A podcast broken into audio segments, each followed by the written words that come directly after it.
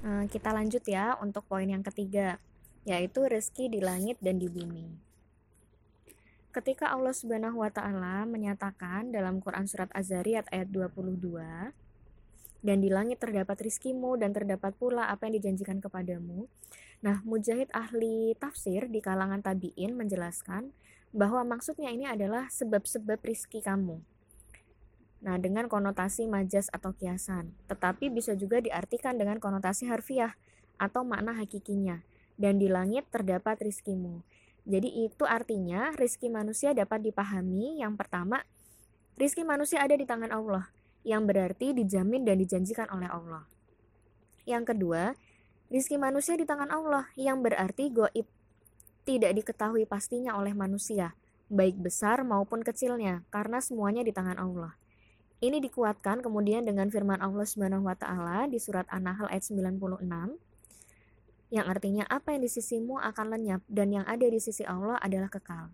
Nah, ayat ini menjelaskan bahwa apa yang ada dalam genggaman manusia termasuk rizki yang digenggamnya itu bisa berkurang dan habis.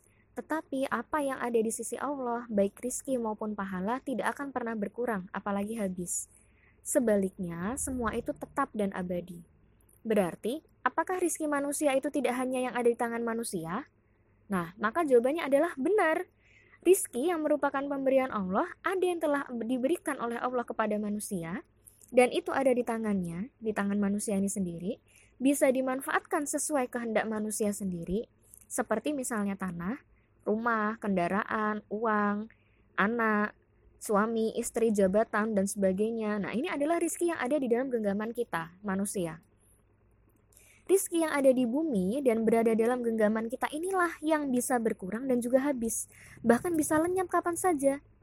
Ketika kita hanya memandang rizki kita adalah apa yang tampak dan apa yang ada dalam genggaman kita, maka pandangan inilah yang sering kali membuat kita merasa panik, khawatir, galau, gelisah, tidak tenang, bahkan stres gitu ya.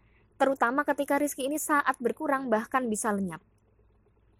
Nah, karena yang kita anggap sebagai rizki adalah apa yang tampak, maka kita pun akhirnya menghitung rizki kita dengan kalkulasi matematika, dengan hitung-hitungannya manusia.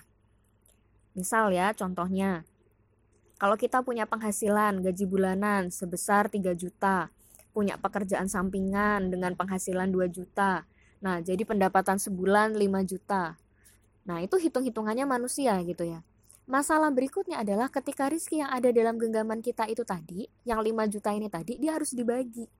Ini juga dikalkulasikannya dengan hitungan manusia.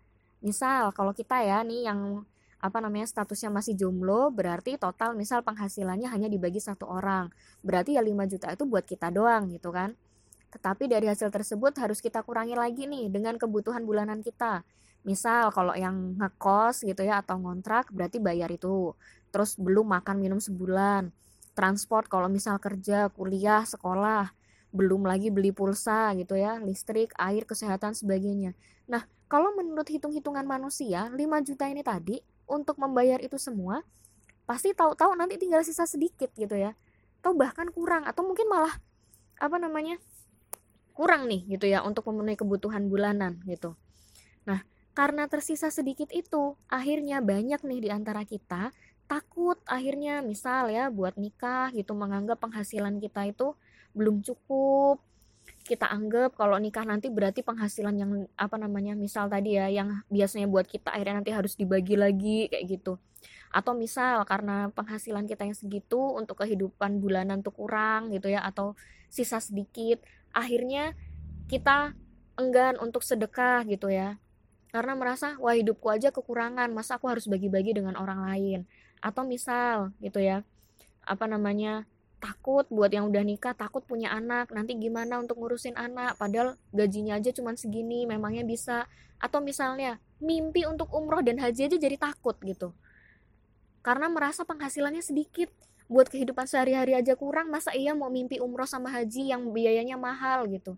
Nah ini kalau kita hitung-hitungan dengan hitungannya manusia gitu kan ya nah padahal meski angkanya tadi kita hitung 5 juta ya, angka 5 juta tadi pasti, tetapi rizki kita sebenarnya belum pasti.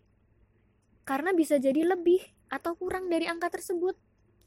Nah, berarti di mana nih salahnya?